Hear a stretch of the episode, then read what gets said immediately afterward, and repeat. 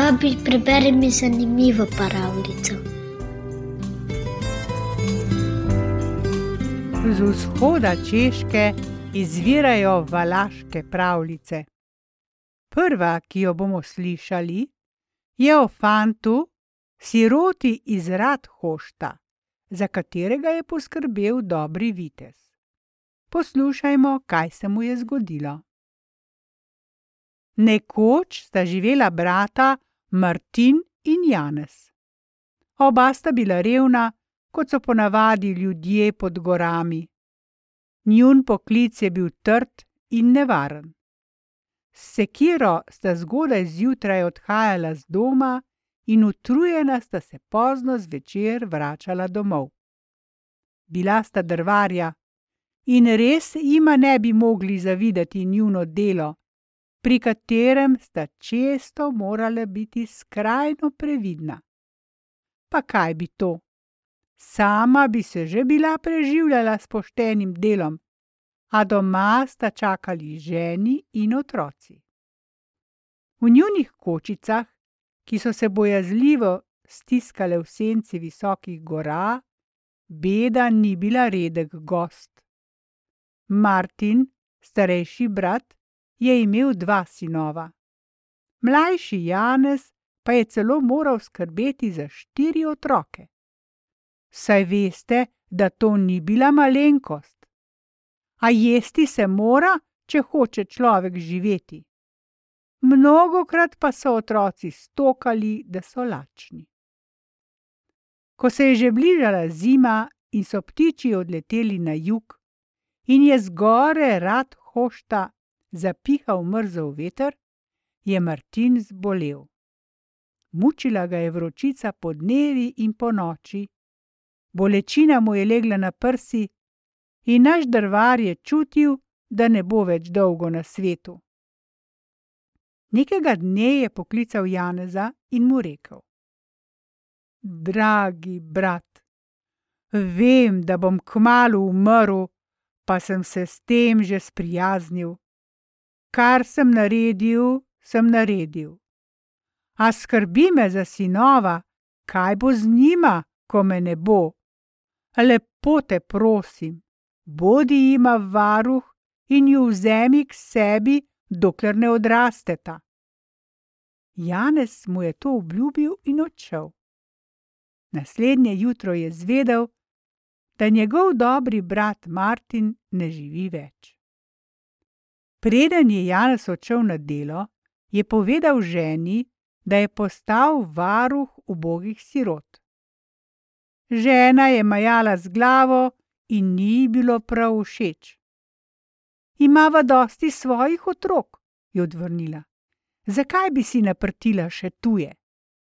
A Janez ni popustil. Martin je bil moj brat in torej moram skrbeti za njegova otroka. Oh, kaj jožeta, tega bi kar rada vzela, velik je že in bi lahko delal in bi nam bilo lažje. Petnajst let mu je in lahko že pomaga v gozdu. Toda Miha je še majhen, z njim bo težko, je rekla žena. Nikakor ni hotela slišati, da prideta oba. A Janez se ni vdal. Kar je bil obljubil, je hotel izpolniti. Poglej, je rekel ženi, če Bog daje nama in najnim otrokom, ne bo pozabil Martinovih. Naj ostaneta oba pri nas. Še vedno je nekako bilo in tudi bo, nikar se ne boj. S temi besedami je odšel. Jože in Miha pa sta prišla v Janezovo kočico. Čas je potekal, prišla je zima in prišla je pomlad, in zopet je bilo v hribih veselo poletje. In spet je bila jesen in zima, pomladi in poletja so se vrstili, zima je prinesla mraz, sneg in led, in v kočici drvarja Janeza so živeli vedno enako. Tako je minilo deset let. Jože je postal krepak mož, priden delavec in bil je zaradi svoje moči in poguma med tovariši zelo spoštovan. Pa čakajte, no, radovedni ste, kako je bilo z Miho? Prav, Miha je seveda tudi rasel in bil je že v dvanajstem letu. Šel je tudi že včasih v gost, da pomaga stricu in bratu Jožetu. Vedel je za ptičja gnezda, poznal je vse lisičje brloge v gori, znal je posnemati ptičji glas in celo veverico je znal ujeti. A ni storil nič hudega, le poigral se je z njo, dal ji je lešnik in jo zopet spustil. Veverica je skočila na drevo, še se je ozrla za čudnim človekom, ki jo je najprej zasledoval, nato pa ji dal lešnik in že je izginila. Družina je živela še kar zadovoljno. Bili so srečni, da so zdravi in da imajo kaj jesti. Njihovo veselje pa ni trajalo dolgo. Prišli so hudi časi. Najprej so si morali pritrgati pri jedi. Kosi kruha so bili vedno manjši. In to ni bilo vse. Kmalu so morali prodati kravo, da bi imeli denar za najnujnejše potrebe. A tudi to ni pomagalo. Ko je bilo najhuje, se je drvar Janez posvetoval z ženo, kaj naj stori. Vseh ne bomo mogli preživljati, to vidiš, je rekla žena žalostnemu možu. Mihe se moramo znebiti, drugače ne bo šlo. Janezu pa se je dečko smilil in dolgo je ženi oporekal. Govoril ji je: Vzela sva fantička v boljših časih, Bratu sem obljubil, da bom za njo vedno skrbel. In zdaj naj mi hospodim? Ne vem, žena, ne vem, če ne bi bilo greh. Toda žena ga je venomer pregovarjala. Končno si je dal dopovedati in odvedel je ubogega Miho v gost na rad hoštu. Miha ni slutil nič hudega in veselo je šel s stricem. Tako sta hodila, dokler nista prišla do velike votline, kakršnih je bilo v gori mnogo. Malo kdo pa je bil notri in malo kdo je vedel, kako so globoke in široke in kako mraz je v njih. Nihče tudi ni vedel, kako so te velike jame v gori rad hoštu nastale. Ko sta torej prišla do votline, je stric prižgal svetilko in vstopil. Kam greva, striček? Je vprašal Miha. Kmalu boš videl, sinko, zaklad greva iskat. In za vplivi Miha je verjel, da gresta za res po zaklad. Ko bi v božec vedel. Korak za korakom je sledil stricu, niti ozrl se ni. Čez nekaj časa sta prišla do razmajene lestve in po njej splezala v globino. In hodila sta naprej po kamniti stezi, in prišla sta do ledene podzemeljske reke, prek katere je vodila lesena brv. Šla sta čez njo in se ustavila. Vse naokrog je bila tema, in svetila je le motna, slabotna stričeva svetilka v mrzlih in vlažnih podzemeljskih teminah. Tedaj je drvar rekel: Tu sedi, Miha, in me počakaj, naprej bom šel sam in bom iskal zaklad.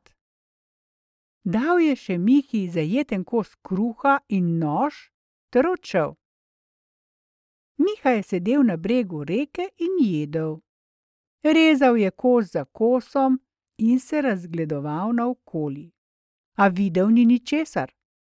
Povsod je bila tema, le v daljavi je migljala lučka stričeve svetilke. Manjšala se je in manjšala, dokler ni bila le kakor slabotna iskrica. In potem je popolnoma izginila. Dečka je stisnilo pri srcu. Bil je sam in strica od nikoder. Ko je za manj čakal nekaj ur, mu je postalo zares tesno. Mraz in podzemeljska vlaga sta bila zoprna. Hlad mu je neusmiljeno vdiral pod lahno srajčico in začelo ga je hudo zebsti. Pojedel je že ves kruh in zopet je bil lačen, toda strica ni bilo. Miha se je krepeneče oziral na vse strani, če le morda zasliši drvarjev korak ali vsaj rahel šelest vode, da bi imel vsaj malo upanja. A nič takega se ni zgodilo. Miha je bil čisto sam.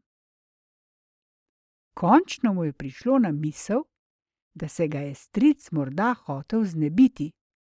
Ob tej misli so se mu od groze ježili lasje in deček se je tresel po vsem telesu. Tako mu je bilo hudo. Toda naj je še tako premišljal, eno je bilo gotovo, da je čisto sam. Da, ni več verjel, da se bo stric vrnil. Zato se je odločil, da pojde sam na pot. Mislil si je: Šel bom po reki, mogoče najdem izhod. Hodil je in hodil. A kako naj se prebije skozi temno votlino brez luči? Reka je tekla v globino in Miha je končno presodil, da tod ne bo prišel navzgor. Mora se obrniti in iti v drugo smer. Hodil je in se spotikal ob kamenje, porezal si je bose noge ob ostrih robovih, hodil je in iskal. Za manj. Ni bilo izhoda. Miha je sedel in milo zajokal v svoji nebogljenosti. Ko je hotel skočiti čez kamen, mu je spodrsnilo in padel je v temno globino, še temnejšo in bolj črno od votline. Ko je padal, se je oprijel dveh ledenih sveč in te so mu ostale v rokah. Dal jih je v torbo in šel naprej. Noge so ga bolele in lakota ga je vedno bolj morila. Po dolgem blodenju je končno zopet našel podzemeljsko reko, ob kateri ga je zapustil stric. Kdaj je to že bilo? Miha niti ni vedel. Bil je vesel, da je našel znani kraj. Pomislil je: Morda me Bog reši in pridem od tod na svetlo. A previdnejši bom, da zopet ne zaidem in zablodim. In res, Mihi se je posrečilo. Čez nekaj časa je prišel do lesene lestve, po kateri se je spustil s stricem.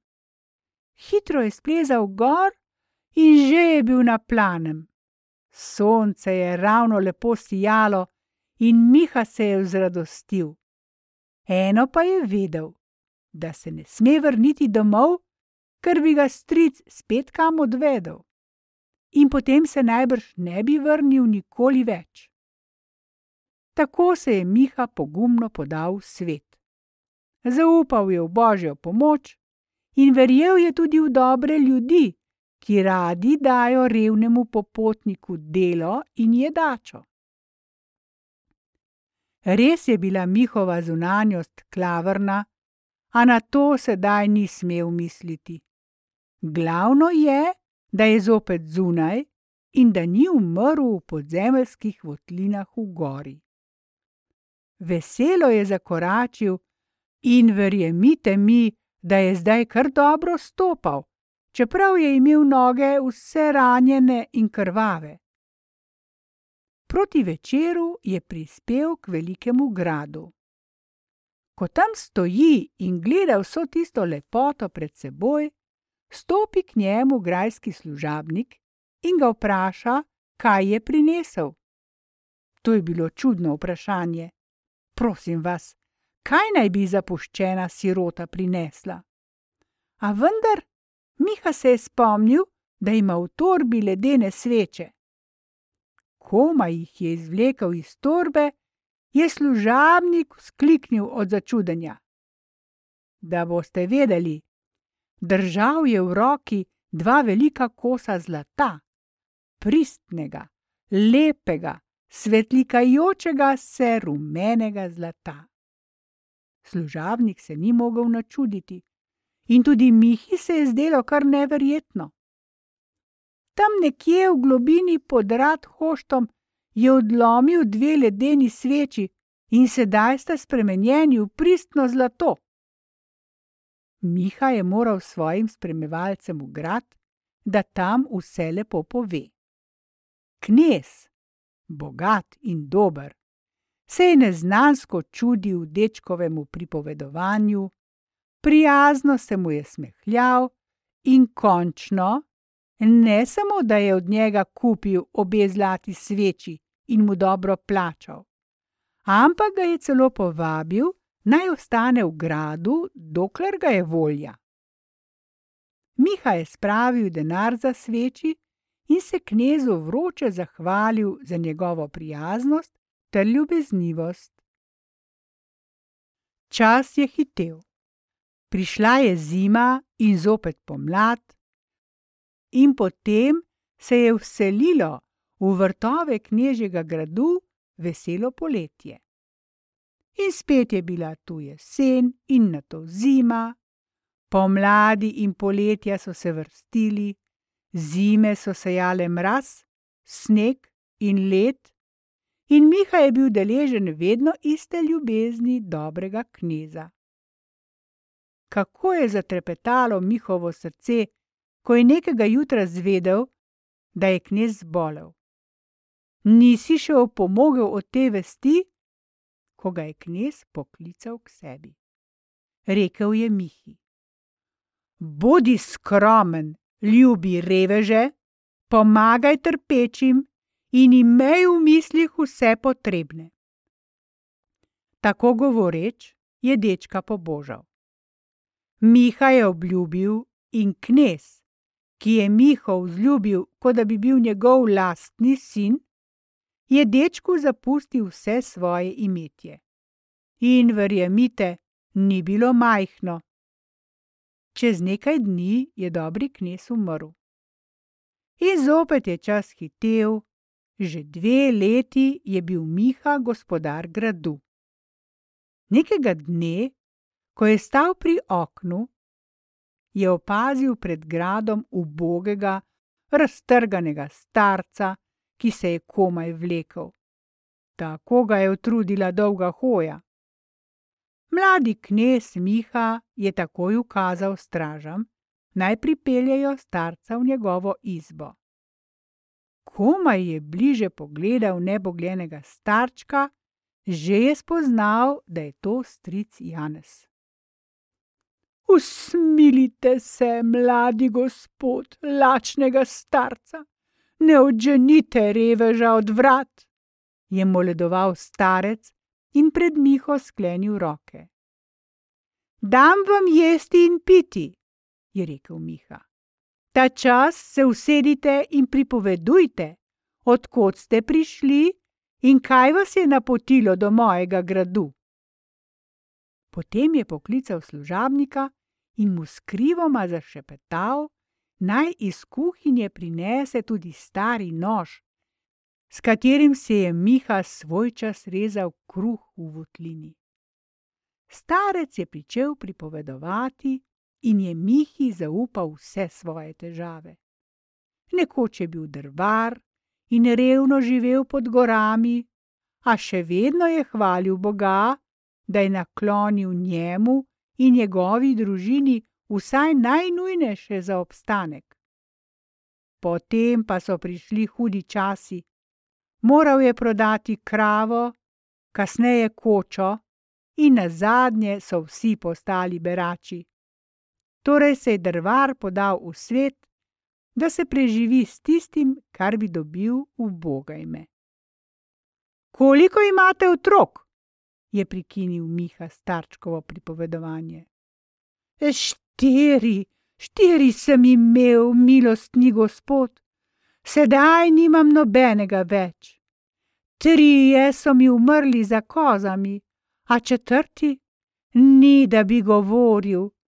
Ta je že zdavnaj zbežal od doma in očeta pozabil. Je klatež in nič vredneš, vse nas je pozabil in kdo ve, kje je. V tem trenutku je prinesel služabnik kruh, sol in pijačo, in Miha sam je podal drvarju nož, naj si reže in je.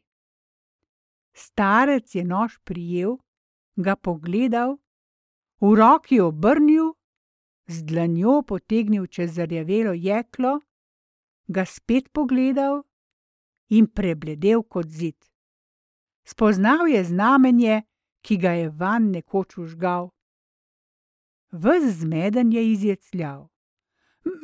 Milostni gospod, kje ste dobili talen nož? Ali se vam zdi nenavaden?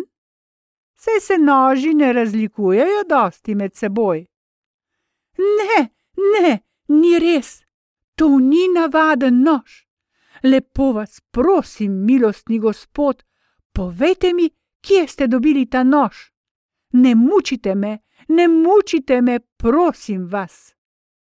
Miha se je nasmehnil, se dvignil in rekel: Nikar si s tem ne belite glave, stric Janez. Prisrčno je objel presenečenega starca, ki je v tem hipu spoznal siroto Miho. Sramoti in strahu je padel na kolena in vstrepetal. Miha ga je rahlo prijel za roko, ga dvignil, objel in rekel: Ne bojte se, striček, že zdavnaj sem vam odpustil. Kar je bilo hudega, je pozabljeno, in zato, kar ste storili v življenju dobrega, ostanete pri meni v gradu. In da nama ne bo dolg čas, povabiva še Jožeta, če morda veste, kje se je izgubil moj brat. Ko je drvar povedal, da Jože služi v rožnovskih posekah, ga je dal knes Miha takoj poiskati. In ko je čez nekaj dni Jože prispel v grad, je bila taka radost in veselje, da si ne morete niti predstavljati. Potem so vsi skupaj zadovoljno živeli do smrti. Zlasti drvar je bil srečen, da mu ni bilo treba umreti z očitkom vesti. Miha se je rešil in greh stricu odpustil. In tako je starec Janez umrl mirno in smehljajem na ust.